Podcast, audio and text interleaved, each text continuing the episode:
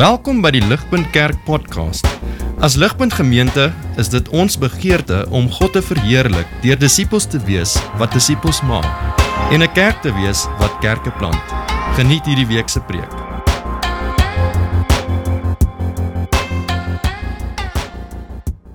Ons weet dat die Bybel sê God is opreg, heilig Ons weet uh, in Deuteronomium skryf Moses, God the rock, his works are perfect, all his ways are just. Ons weet. Die probleem is maar net wanneer ons kyk na die gebroke wêreld om ons, match dit nie. Dit match nie met wie ons weet God is nie. Ons sien wie God is en dit match nie met ons ervaring van die gebroke wêreld om ons nie. So ek wil 'n oomblik vat en om hierdie vraag vir ons duidelik te maak, wil ek julle vertel van Fyodor Dostoevsky. Dostoevsky. So Fyodor Dostoevsky is gesien letterlik hy hy is die titel gegee as one of the greatest novelists in all of world literature. Dis insane. Hierdie ou se beste werk, Dostoevsky se beste werk is verskriklik bekend. Dis 'n klassiek is The Brothers Karamazov in 1880 geskryf. En hierdie is verseker sy beste werk en in hierdie boek pak hy die vraag aan van pyn en lyding en God. En hy vat die argument tot op 'n ekstreem. Hy sê hy self 'n gelowige gebruik die storie van twee broers wat stry met mekaar om juis hierdie argument uit te pak. So een broer stry teen God en sê jy weet al hierdie boosheid en pyn in die wêreld Nee, hoe kan God daar wees? Waar is hy? Hy gebruik vele stories soos die boek se storie uitspeel, gebruik hy voor vele stories om sy argumente te staaf. Nou, dis dis Ivan of Ivan. Ivan, hy stry teen God en die ander broer Alyosha, hy hy hy moet net al hierdie argumente vat. Hy vat dit, hy vat dit. En soos die boek aangaan, bou daar hierdie berg op teen Alyosha wat nou God moet verdedig, die ander broer. En so een stry teen God, een stry vir God en probeer vir God verdedig teen hierdie berg van stories wat wat sê hoe kan daar 'n God wees in hierdie gebroke wêreld. En een storie wat Ivan bring na na Alyosha toe is die storie van van evil ouers wat hulle kind toesluit in soos 'n hout toilet huisie buitekant die huis, jy weet soos daai lang drap huisies in die ou tyd. Hulle sluit hulle kind toe in daai huisie aan die buitekant van die huis in Rusland in die middel van die winter om haar te straf. En Ivan sê vir Alyosha, die dogtertjie het heel aand uitgeroep, Alyosha, vir God. Sy het heel aand uitgeroep alleen in die donker koue, God kom red my. Roep die dogtertjie uit. En daai aand toe vries sy dood. En Ivan kla en hy sê Hoekom het God nie geluister toe hierdie dogtertjie uitgeroep het vir help nie? Waar was hy, Alyosha? Het hy het hy geslaap? Het hy 'n nap gevang? Het was hy vir daai oomblik gou gou besig met iemand anders in die wêreld dat hy nie gesien het of gehoor het hoe hierdie dogtertjie uitskree nie? Hy vra vir Alyosha, waar was God daai aand? En dis dis heavy, maar ek dink as ons as ons nie as hierdie preek nie heavy is nie, dink ek gaan ons doen ons iets verkeerd. Hierdie hierdie is die tipe argument wat gebring word teen God. Die die argument gaan gaan so in 'n een eenvoudiger manier om dit te stel is as 'n goeie almagtige God bestaan, hy's goed en hy's almagtig, hy het al die krag, hy kan enigiets stop en keer wat hy wil. As hy bestaan, hoekom sien ons puntlose pyn en lyding? Hoekom sien ons dit? Weet as hy bestaan, dan is hy nie goed nie. Hy kan nie hy kan nie goed en almagtig wees nie. As hy bestaan, kan hy nie goed wees nie, want as hy goed is, hoekom stop hy dit nie? Of hy is goed, maar hy's nie almagtig nie, want as hy almagtig was, dan sou hy dit kon keer, maar hy keer dit nie, so hy het obviously die mag om dit te doen nie. So die groot vraag bly, waar is die God van die Bybel waarvan jy heeltyd praat?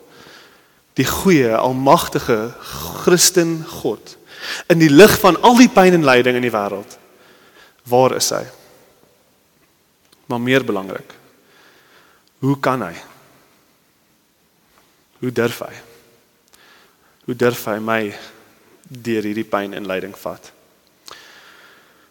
Voor ons die vraag beantwoord, dink ek is onmenslik belangrik vir ons om net vinnig stil te staan by hoekom hierdie belangrike vraag is. Twee vinnige redes oor hoekom hierdie 'n belangrike vraag is. Hierdie is 'n onmenslike belangrike vraag want pyn, seer, swaar kry en gebrokenheid gaan jou tref. Indien dit nie al klaar het nie. Dit dalk is dit vir jou vanaand 'n filosofiese vraag. Ek wil net weet wat die argument is. Maar besef vanaand hierdie is 'n belangriker vraag want in 'n oogwink kan 'n filosofiese vraag baie vinnig 'n persoonlike vraag raak. En en ek wil reguit met julle wees 'n oppervlakkige selfs 'n valse geloof gaan jou onvoorbereid los vir die dag wat pyn, seer, swaar en gebrokenheid jou tref. 'n Valse of selfs 'n swak geloof gaan jou onvoorbereid los. En so 'n geloof wat jou onvoorbereid los vir die dag wat dit gaan kom, want dit gaan kom. So 'n geloof verdien maar om uitgegooi te word. Dis nie waardig van jou nie. En so vanaand is gedeeltelik 'n geleentheid vir jou om net gedeeltelik, daar's boeke hieroor geskryf. Wat gaan ek in 30 minute bereik? Maar daar's vanaand vir jou gedeeltelike kans om jouself voor te berei vir 'n dag wat gaan kom of al reeds gekom het. Die tweede rede hoekom hierdie 'n verskriklike belangrike vraag is, is want al sien jy dit nie, elke dag is hierdie mense se se realiteit. As ons ons oë net moet oopmaak, is hierdie die worsteling van mense reg om jou elke dag. Hoe kan God? Waar is God? Hoekom het hy hierdie gedoen? Daar's 'n Barna study gerelease waar mense gevra het, uh wat is as jy as jy vir God een vraag kon vra, wat sê jy hom vra? Weet met 'n onmenslike, soos onredelike hoeveelheid mense, 90% van die mense het gesê ek sal hom vra hoekom hy pyn en lyding toelaat. Dit wil sê hierdie is nie 'n probleem nie, hierdie is die probleem. Hierdie is die probleem. As jy reg om jou kyk, gaan jy nie twee tree loop voor jy nie iemand sien wat worstel met hierdie selfde vraag nie. En so dis net twee redes hoekom hierdie baie belangrik is vir ons om vanaand te hoor. So kom ons spring in. Ons gaan vanaand kyk na twee vinnige filosofiese argumente en dan gaan ons kyk na drie wat ek noem soos soos hartsargumente. Meer soos ek dink goed wat baie meer saak maak as ehm um, die filosofiese argumente. Filosofiese argumente is belangrik. Ons gaan opeindig by ons harte. So die eerste filosofiese argument bring hierdie belangrike oorweging na ons toe, soos wat ons dink oor hierdie vraag. En dit is die probleem van pyn, lyding en swaar kry is eintlik nie net 'n probleem wat die Christen moet aanspreek nie. Maar dit bly 'n probleem vir elke liewe godsdiens of oortuiging, wat ook al jou oortuiging is. Maak saak wat jy glo of wat jou antwoord is vir wat God is of wat jy glo of agnosties of wat jy is nie. Jy sit met dieselfde realiteit as waarmee ons almal sit. Wat ek bedoel is, ons kan maklik vir die Christen sê, weet kyk na al die injustice, kyk na die swaar kry. Daar kan nie 'n grot wees as hierdie vreeslike goed plaasvind nie. Ons kan dit sê. Maar okay. Kom ons haal dan God uit die prentjie uit. Jy kry jou wens. God is nie meer deel van die prentjie nie. Hy is hy is gone. Jou wens het waar geword. Wat nou? Daar vind nog steeds goeders plaas in die wêreld soos vrouens wat gemolesteer word. OK, God is by die prentjie uit, maar kinders gaan nog steeds dood van honger. OK, God is by die prentjie uit, maar jy het nog steeds iemand naby aan jou verloor. So jy moet nog steeds in 'n godlose prentjie van die wêreld. Jy moet nog steeds een of ander verduideliking kan gee vir wat gebeur. Jy moet nog steeds sin kan maak van hierdie gebrokenheid. En as ek so 'n bietjie geniepsig mag wees, kan jou antwoord wees natural selection. Jy weet ateïsme, okay? Daar's nie 'n god nie, hy's uit die prentjie uit. So hierdie is maar net die natuurlike vloei van die wette van hierdie natuurlike wêreld. So jou antwoord moet wees die evils moet plaasvind, hierdie hierdie verskriklike goed moet plaasvind sodat die swakkelinge kan doodgaan en die sterkes kan dan oorleef. Dis dis 'n verduideliking dan. Maar jy moet 'n verduideliking hê. Want jy sit met dieselfde realiteit. En so in teorie wat geword is, jy weet 'n man wat sterker is, kan 'n ander man wat swakker is doodmaak en sy vrou vat vir homself. Of of 'n man kan 'n vrou gebruik en en haar haar doodlos. Dis nou maar net hoe dinge moet gebeur. En ergens in hierdie gemors staan die sterkes uit. Al die swakkes nou maar net doodgaan. Ek ek ek besef ek ek's bietjie gerealiteit is. Ek weet dis moeilik om te aanvaar dat God in beheer is, dat hy goed is en dat hy almagtig is. En en ek besef dis moeilik om dit te glo en te glo dat hy toelaat dat ons nou in 'n seisoen van 'n verskriklike wêreld moet lewe. Ek aanvaar dis moeilik om dit te glo. Maar sodra ek die vraag terugvra, besef ek die alternatief is eintlik moeiliker om te glo. Ek weet nie of ek kan glo in natural selection nie. Ek weet nie of ek ooit okay sal wees daarmee. Om te dink die swakkes moet nou maar net doodgaan nie. Dis vir my moeiliker om te glo. Die punt is maar net bloot almal hierdie probleem op 'n manier os. Almal moet 'n verduiding gee. En hierdie is 'n huge fout wat ons maak. Ons dink dat as ons God uit die prentjie uithaal, ons dinge makliker maak. Inteendeel. As ons vir God uit die prentjie uithaal, maak ons dinge baie baie moeiliker. Die tweede ding om vinnig te noem is die tweede filosofiese argument ten minste is hoe weet ons as ons nou skepties is? Hoe weet ons dat suffering juis puntloos is? Meaningless is. Party mense kan glo. Meeste mense dink ek sal sal kan glo in 'n God wat pyn en lyding toemaak, maar daar's 'n goeie rede daarvoor. Daar's 'n goeie rede daarvoor. Maar die punt wat gebring word teen Christendom is, hoekom moet 'n dogtertjie doodgaan en doodvries in Rusland in die middel van die aand? Dis puntloos. En so die vraag wat ek vra is, maar maar hoe weet ons as ons nou skepties is? Hoe weet ons regtig dat suffering puntloos is. Uh, in Keller se boek uh, A Reason for God, ek stel dit ek ek recommend dit heavily. Julle kan dit lees. Dit beantwoord baie baie vrae.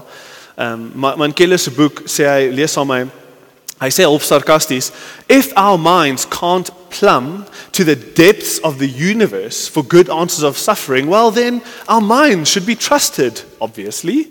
There can't be any good answers. En dan sê hy sê dit half sarkasties. Hy sê this is blind faith of the highest order because this is putting an enormous amount of trust on one's own cognitive faculties. Wat sê hy?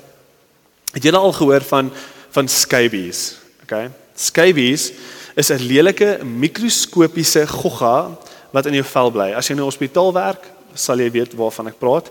My voorstel is, moet dit nie Google nie. Jy gaan nie gaan slaap vanaand nie. So scabies, mikroskopiese gogga bly in jou vel.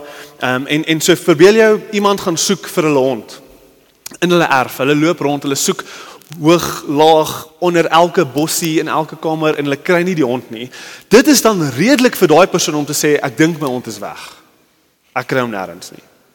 Maar as iemand gaan sê uh soek vir scabies en hulle sien hulle nie, dan is dit baie onredelik vir hulle om te sê hulle is nie daar nie want dit is baie moeilik om hulle te sien. Hulle is mikroskopies klein en hulle kan dormant in jou vel bly vir so rukkie voor hulle soos aktief raak. So dis onredelik om te sê hulle is nie daar nie want ons kan hulle nie sien nie.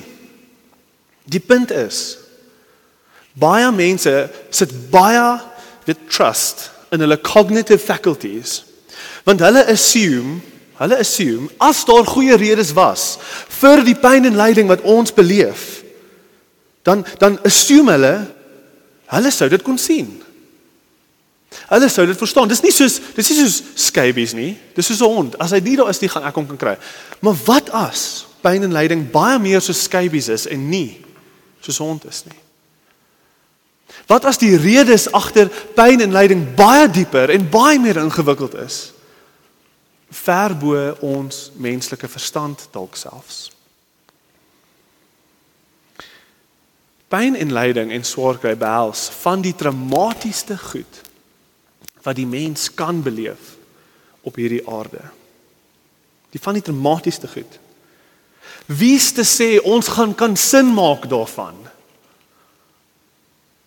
Hoekom moet ons kan sin maak daarvan? Wie's te sê ons gaan hierdie redes kan sien?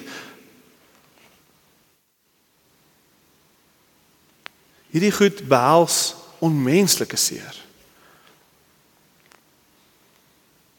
So. Jy sê vir my Johan, great. Sjoe. Ek kon hierdie dalk in 'n biblioteek gaan lees het, maar my hart is nog baie seer vanaand. Jy sê Johan, great. Great filosofiese argumente. Dit was amazing. En ek sê net daar's nog baie ander goed wat ek moontlik kon sê, maar jy sê vir my dis nie goed genoeg nie. Jy sê my hart is nog seer. Hierdie en hierdie en hierdie het gebeur. Ek soek asseblief nog. As ek glo God het hierdie goed toegelaat in my lewe. As ek glo God is in beheer. Johan, as ek na jou luister vanaand, dan sê ek nou vir jou God moet bietjie verduideliking gee. Want dit is vir my nog steeds moeilik om te aanvaar dat hy my deur hierdie sal vat. En ek sê vir jou ja en amen. Jy maak sin. Jy is reg. En ek gaan my bes te probeer om met drie hartsargumente jou te bemoedig en vir jou 'n bietjie perspektief te gee op hoe ons moet dink oor pyn en lyding en die God wat ons dien. So drie hartsargumente. Weereens, ek wens ek kon meer sê, ek wens ek het meer tyd gehad, maar dis nie die realiteit vanaand nie. Die eerste ding om te noem, ons ons het nou net gepraat van skybies, van hoe hoe ons heel moontlik nie die redes gaan kan sien nie, maar dit beteken nie daar is nie redes nie. So ek wil julle vat na die storie van Josef toe in Genesis 37. Okay vir die van julle nie wat nie vir Josef ken nie, Josef is daai arrogante klein poepolletjie wat 'n lekker jas gekry het en gedink het hy is beter as al sy broers. OK. Josef is is so windgat. Ehm um, hy hy's so poepel. Sy boeties gaan en verkoop hom. Ek blameer nie die boeties nie. Ek ek sê maar net. Sy boeties verkoop hom tot in slawerny. OK. Nie net dit nie. Hy lewe 'n lewe in slawerny en éventueel kom hy uit en dan weens 'n leuen gaan hy tronk toe. So dis dis is slander. Hy hy hy pleit, hierdie is nie die waarheid nie en hulle sê nee, nee, screw you, jy's tronk toe en hy gaan tronk toe. En nie vir soos 'n paar dae nie, vir jare gaan hy tronk toe. Hy maak 'n paar pelle in die tronk. Hy sê asseblief moenie vir my vergeet nie. Vertel die farao, hulle het een werk gehad, wraggies. Well done. Vergeet hulle van die arme ou en hy spandeer nog 'n paar jaar in die tronk. En hierdie is nie soos 'n 'n tronk vandag waar jy menseregte het nie. Hierdie is soos ou oue eeue Egiptiese tronk. Um, ek dink nie dit was so nice nie. So ons sien Josef se pyn en lyding baie duidelik in sy storie. Ons sien sy pyn en lyding en ons sien verseker dat baie van hierdie gevalle as jy dit lees baie puntloos gevoel het. Hoekom? Weet ek het nou net uit slawerny uitgekom. Hoekom moet ek nou weer eens 'n leen weer terug gaan tronk toe? Hoekom? Maar wat ons dan sien in die storie as ons bietjie stil staan, bietjie gaan reflekteer, bietjie gaan kyk hoekom is hierdie storie aan ons geskryf, dan sien ons hoe God aan sy arrogante karakter skaaf. Weet in die begin van die storie is hy letterlik die arrogantste en bederfste, jy weet, klein seun, die jongste in die familie. Maar deur sy suffering sien ons hoe God hom refine. Ons sien hoe God hom voorberei Ons sien hoe God letterlik die sleg uit hom uitsif en die goed in hom inbou. Hier kan ons ongelukkig nie vir God die skuld gee nie want ek dink ons almal weet. Partykeer is dit wat dit vat om ons harde harte te breek. Ongelukkig. In elk geval versterk deur jare se lyding sien ons hoe God vir Josef oprig as eventually prime minister van Egipte. So hy's letterlik die dis Farao en dan sit Josef. Dis sy posisie. Hy's hy's second in command van Egipte toe Egipte baie kragtig was. En ons sien hoe hoe God hom versterk deur al die jare se se pyn en lyding net om hom te gebruik om letterlik aan die einde van Genesis duisende lewens te red, selfs die lewens te red van sy boeties wat hom in slawerny verkoop het in die eerste plek. Dis 'n baie kragtige storie. Die punt is as God nie in daai jare se swaar kry gewerk het nie, as God nie daai jare se swaarheid toegelaat het nie, sou Josef nooit so kragtig kon gebruik geword het nie want hy sou 'n windgat klein bliksem gebly het. En hier is die realiteit. Hoeveel keer het ons nie almal al stories gehoor van hoe mense in hulle grootste swaar krye nie ook vir ons vertel hoe daai die spesifieke draaipunt was in hulle lewens wat hulle nodig gehad het nie. Hoe mense stories vertel van die krisisse wat hulle later erken die sleutel was tot die sukses wat hulle vandag is. Hierdie hierdie hierdie is die punt. Al kan ons nie altyd die seer verstaan of die Here sien vir dit wat God mee besig is nie. Kan ons glo dat God weet wat hy doen? Hoor wat 'n uh, eh, Keller sê weer in Reasons for God. Hy sê hierso, lees saam met my. If you have a God great and transcendent enough to be mad at because he hasn't stopped evil and suffering in the world, then at the same time you have a God great and transcendent enough to have good, all wise reasons for allowing it to continue that you cannot know. With time and perspective, most of us can see good reasons behind at least some of the tragedy and the pain that occurs in this life. Why couldn't it be possible that from God's vantage point, there be good reasons for all of them?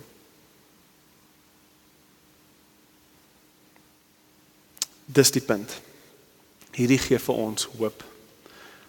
Die Christen geloof gee vir ons onmenslike hoop. Ons kan vertrou in 'n goeie almagtige God wat werk ten spyte van ons ons swakhede, ons sondes, maar hy werk ook deur en in ons swaar kry.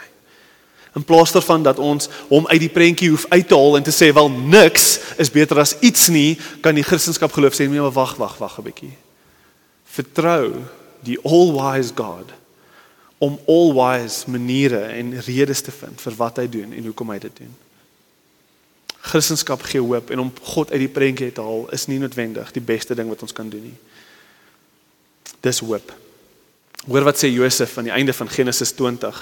Uh Genesis 50 vers 20. Aan die einde van Genesis 50 vers 20 lees saam my. Josef aan die einde van sy lewe, hy reflekteer aan alles wat God in sy lewe gedoen het, sê hy vir sy boeties, You intended evil to harm me.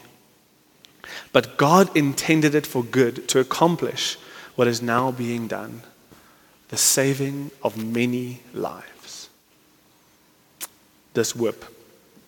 En dis wat God ons aanbied vanaand. Maar ons meer. Daar's 'n tweede hartsargument. Die tweede ding wat ons moet sien is as jy wil hê God moet homself verduidelik vir die pyn en seer en swaarkry wat jy dalk nou op die oomblik beleef wil ek hê jy moet hoor hy het homself verduidelik. Hy het homself verduidelik. Die beste moontlike verduideliking wat God vir ons gee vir pyn en lyding en swaar kry is in sy seun Jesus Christus te vind. Die Christendom dien nie 'n God wat ver uh, is of wat van ver af kyk neer op ons en hy sê is hulle is vuil, ek moenie aan hulle raak nie. Ons dien nie 'n God wat 'n horlosie opgewind het en hy laat dit nou net uitspeel nie. Inteendeel. Ons sien in Christendom en in God se woord ons sien hoe hy self saam met ons in die modderput van hierdie gebroke wêreld kon inklim. Hy kom en sit, hy sit in die modderput van pyn en seer en swaarkry met ons meer as dit. Hy het nie net bietjie daarvan kom proe en en en soos sy vinger in 'n pot uh, gesit en mm, dit proe lekker nie. Nee, hy het ingeduik.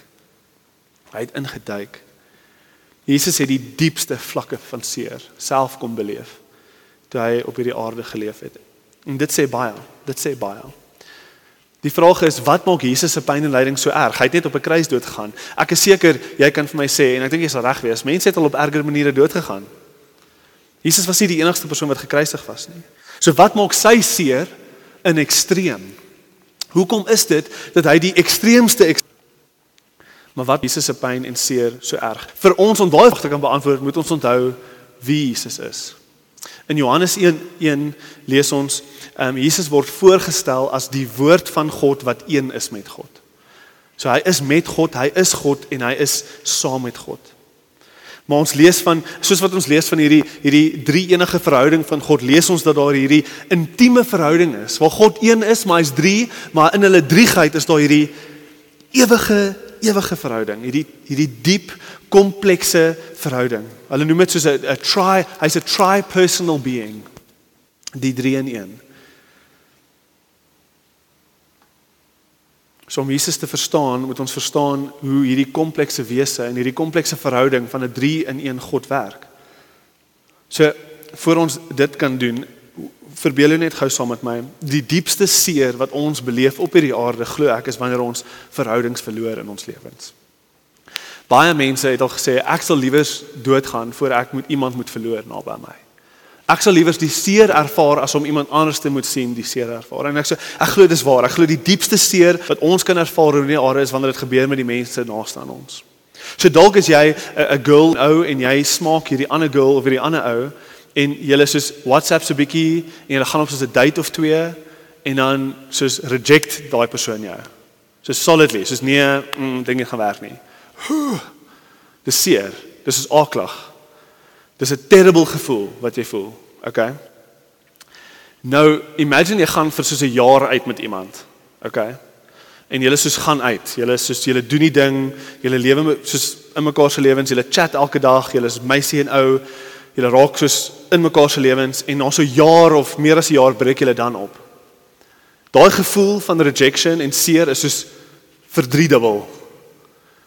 Ek het al gehoor hoe mense sê soos ek ek ek kan nie wil nie meer lewe nie. Ek verstaan dit, dit is seer. Ek het iemand verloor naby my. Maar dan dink hieraan. Ehm um, ek verstaan hierdie nog nie eers nie, maar ek is nou eers so 3 jaar getroud met my vrou wat hier voorgesing het, wat baie mooi is. Ehm um, weet ek het al met ander mense ook gepraat wat getroud is en ons is nou eers 3 jaar getroud. As ek haar moes verloor, glo ek regtig daar sal iets binnekant my doodgaan letterlik. Ek dink ek sal 'n deel van myself verloor. En om eerlik te wees, ek dink dis wat gebeur wanneer jy jou vrou, jou man of jou kind verloor. Ek dink daai verhouding is so eg. Dis so nou aan jou, dis so naby aan jou, dis so deel van jou. As jy daai persoon moet verloor, dink ek is die diepste seer wat jy kan beleef op hierdie aarde. Nou vat 'n oomblik en dink geweet terug aan Jesus en sy ewige verhouding met God die tri-personal being in sy eternal relationship. Kan ons imagine hoeveel erger dit moes gewees het vir Jesus om op die kruis daar weggeskeur te moes gewees het van sy pa. En hier praat ons nie van 'n paar jaar se liefde nie. Ons praat nie eens van 'n aardse huwelik nie. Ons praat van 'n ewige, persoonlike, intieme, eenskap verhouding wat nog altyd bestaan het vir alle eeue tussen Jesus en sy Pa en die Heilige Gees. 'n Verhouding wat nog altyd was verskeur. Jesus skree aan die kruis, 'n seer dieper as enige seer wat nog ooit geseer was op hierdie aarde, skree hy, "My God, my God, why have you forsaken me?" 'n skrywer sê the physical pain was nothing compared to the spiritual experience of cosmic abandonment. Hierdie is die diepste seer wat ek dink al ooit gevoel was. Die die the greatest suffering ever suffered. Want daar op die kruis, toe Jesus plekke ruim met ons en ons sondes word op hom geplaas toe word hy weggeskeur van sy vader af. En en die vader draai letterlik sy oë van hom af. Christendom alleen en al die wêreldse godsdienste volhou dat God teen volle mens geword het in Jesus Christus en het daarom eerste handse ervaring met ons despair met ons rejection met ons eensaamheid met ons armoede met ons traumas en met ons tragedies Op die kruis het dit selfs verder gegaan toe hy afgesny was daar van sy Vader af. Christendom volhou dat Jesus het deur dit gegaan en hoor hierdie asseblief. Sodat ons as mens wat in hom glo, wat na hom toe gaan, nooit hoef afgesny te word van God die Vader af nie. Jesus was in ons plek afgesny sodat ons nou vir alle ewigheid nooit hoef afgesny te word van God die Vader af nie. Sodat ons die verhouding kan hê wat hy het met God die Vader. He was forsaken so that you never have to be forsaken. Onthou die vraag wat ons vanaand vra. Die vraag wat ons vanaand vra is hoe kan 'n goeie God pyn en lyding toelaat? En as ons kyk na die kruis, vind ons nie juis die duidelikste antwoord nie, maar ek dink ons ek dink ons vind 'n verskriklike goeie verduideliking. Ek weet dit beantwoord dalk nie al jou vrae nie, maar hier's een ding wat ons sien in die kruis wat ons wel baie help. Ons kan nooit sê hierdie pyn, hierdie seer, hierdie lyding wat ons beleef is omdat God nie lief is vir ons nie. Ons kan dit nooit sê nie. Ons kan nooit sê dat God jou versuik het nie. Kan nie dit sê nie. Sy liefde bewys aan jou op die kruis. Toe hy daar die seerste seer ervaar het, nie net fisies nie, maar veral geestelik. Sy perfekte liefde is aan jou. Jy kan nie sê God het vergeet van jou nie. Jy kan nie sê hy het aan die slaap geraak toe hierdie of hierdie gebeur het met jou nie. Jy kan nie sê hy was nie eers daar nie, hy was daar. En hy weet beter as enige iemand waardeur jy gaan. Inteendeel, aandiens. Die kruis bly die ultimate bewyse dat God ons swaar kry so ernstig opvat dat hy self bereid was om dit te proe tot op die ekstreem. Romeine 8 vers 31 en 32. What then shall we say in response to these things? Suffering, konteks van Romeine 8. If God is for us, who can be against us? Word hierso. He who did not spare his own son but gave him up for us all, how will he not also along with him graciously give us all things? So maak nie saak waar jy jouself vind vanaand nie. As jy gaan kyk na Christus, kan jy weet God verstaan jou seer beter as enigiemand en hy het jou nie verlaat nie. Ek kan nie vir jou meer as dit sê nie. Ek weet nie wat die redes is nie en ons ons ons gaan nie altyd die redes weet nie. Ons kan vertrou dat hy weet wat hy doen. Maar die een ding en ek wil asseblief hê jy moet dit vanaand hoor. Maak asook wat jy deur gaan nie, maak asook waardeur jy nog gaan gaan nie, maak asook wat jy al deur gegaan het nie. God het jou nie verlaat nie en hy het jou nie gestraf nie, want Jesus Christus het die straf gevat vir jou. He was forsaken so that you never have to be forsaken. Kom ons vertrou hom. Kom ons vertrou hom. En dit bring ons na die die derde en laaste punt toe. Weet al is dit regtig getroos om te weet Jesus verstaan. Is daar selfs nog wat Christendom vir ons wil aanbied? Daar is hoop. Daar is dus ware egte hoop. Maak nie saak waar jy jouself vind vanaand nie. Ek praat nie van soos 'n 'n oosterse, middeloosterse of oosterse siening, meer oosterse siening waar soos al alle individualisme verloor word. Jy weet, alle jou persoonlikheid, jou huis, jou kar, jou storie, jou musiek smaak, alles word verloor en alles word ingesluk in een groot divine bubble in nie. En ons almal lewe in soos 'n nirvana bubble nie. Dis ek praat nie van daai tipe hoop nie. Ek praat ook nie van 'n um, 'n niks nie, soos ek praat nie van 'n hoop wat daar's klein, daar's die wêreld is siek en gebroke genoeg dat daar hoop kan wees in om net dood te wil gaan en 'n niks in nie. Ek praat nie eens van daai hoop nie, want ek dink nie dis veel van 'n hoop nie. Al kan ek sien dat mense daar kan opeindig. Ek praat hier van 'n ware egte diep Christelike hoop, 'n sekere hoop.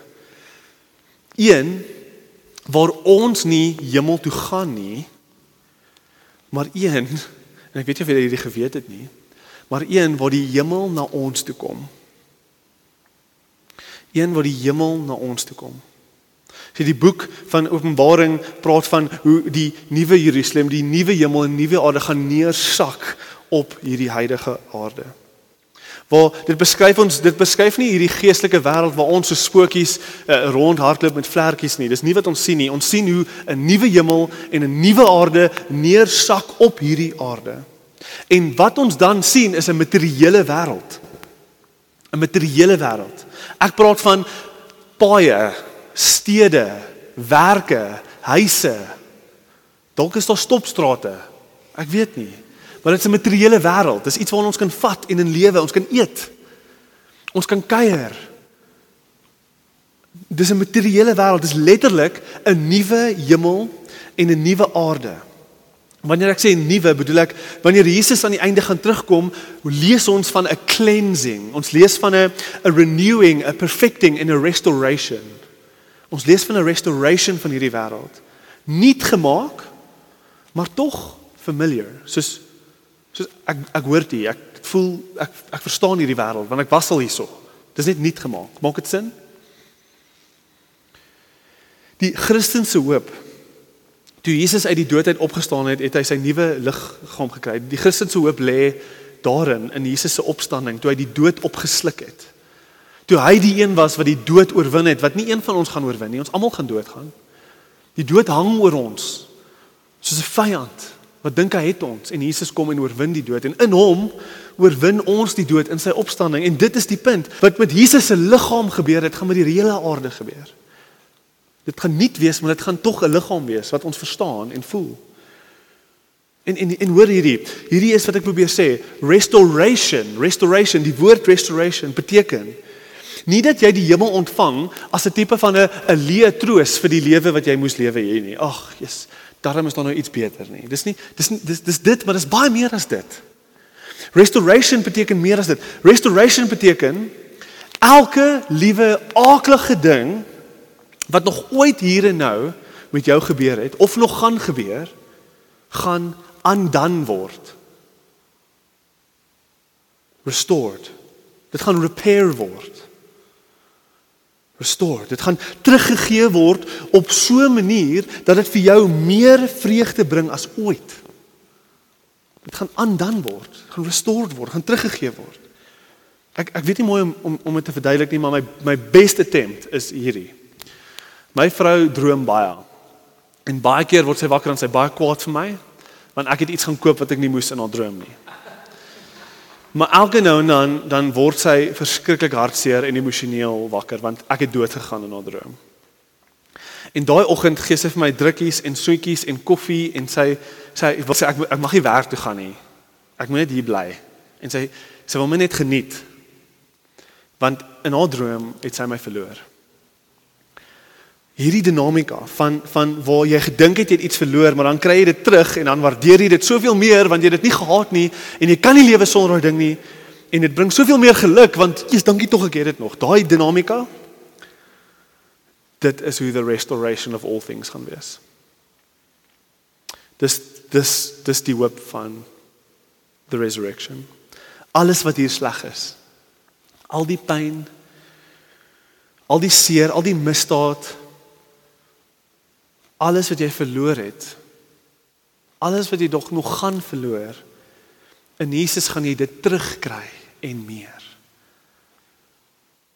Dit word restore op so 'n manier dat jy dit terug het en meer. En weet jy wat die realiteit waarin ons nou lewe? Ons gaan gaan na die nuwe hemel en nuwe aarde toe in Christus. Dit gaan hierdie realiteit die pyn en die seer wat jy nou in leef gaan voel soos 'n slegte droom Dit gaan voel soos 'n droom waar jy iets verloor het en toe word jy wakker en nou het jy dit en jy het vir Jesus en jy sê dankie en jy prys hom. En jy sê dankie want hy het alles kom regmaak. Dit is die nuwe hemel en die nuwe aarde. Dis die hoop. Dis die hoop wat ons het in Christendom. All will be healed. All might have beens will be. Ons kan nou en ek quote 'n ou wat by ons kerkkamp gepreek het.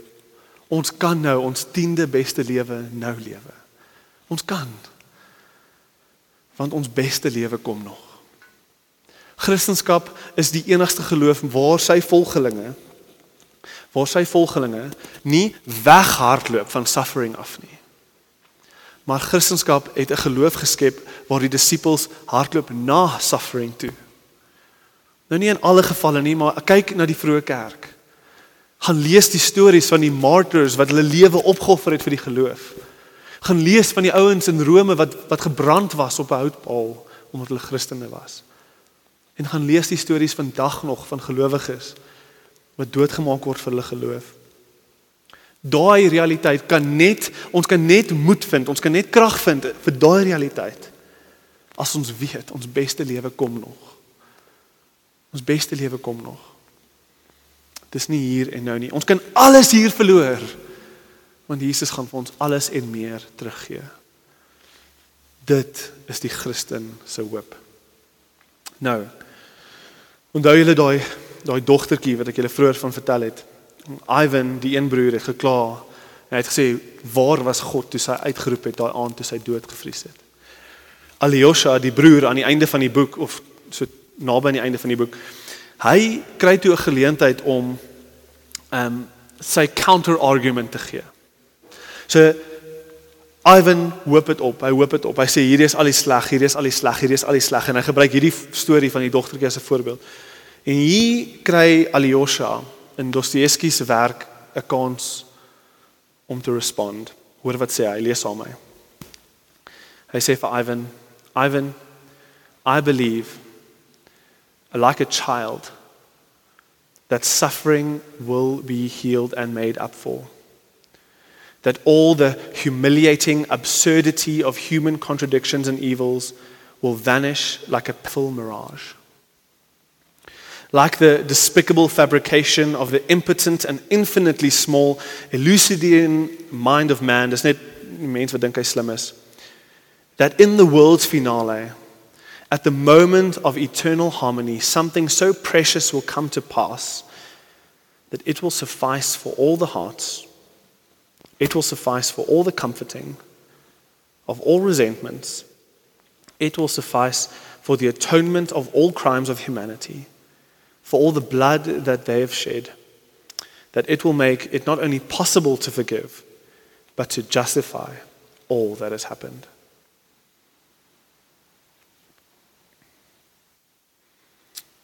That at the world's finale, at a moment of eternal harmony, something so precious will come to pass that it will suffice for all hearts, for the comforting of all resentments for the atonement of all the crimes of humanity, for all the blood that they've shed, that it will make it not only possible to forgive, but to justify all that has happened. Ek glo daai aand toe daai dogtertjie uitgeroep het na die Here toe, ek glo hy was daar daar. Ek glo hy het haar huis toe gevat sodat sy by hom kan wees, sodat hy 'n beter pa vir haar kan wees as die bose ouers wat haar daar gesit het in die eerste plek. Dis wat ek glo God gedoen het daai aand. Hierdie is ons hoop. Ek wil bietjie opsom en net hierdie sê. Ons hoop is hier dat ons nie alles gaan verstaan wat met ons gaan gebeur nie of het gebeur het nie. Ons gaan dit nie als verstaan nie. Maar ons kan glo dat God ons nie verlaat het nie want hy het sy seun kruis toe gestuur. En hy het nie net kruis toe gaan nie, maar hy daar sonde en die dood oorkom. Hy het opgestaan uit die doodheid sodat hy die res van hierdie gebroke wêreld kan hernie.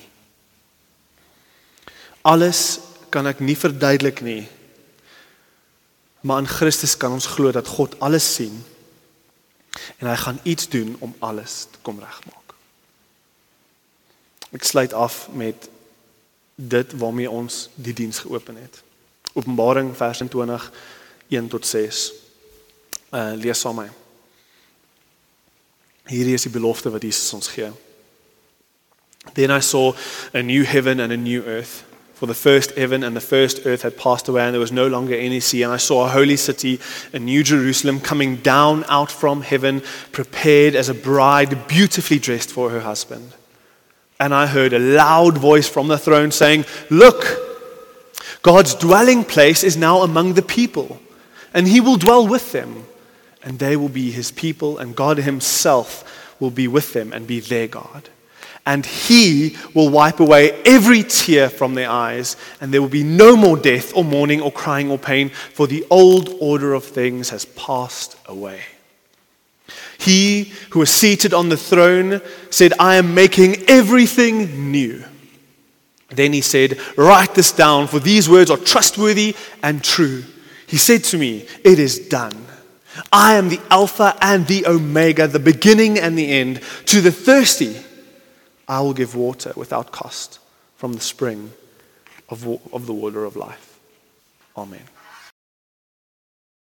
Vir meer inligting oor Ligpunt Kerk, besoek gerus ons webwerf op www.ligpunt.com of kontak ons gerus by info@ligpunt.com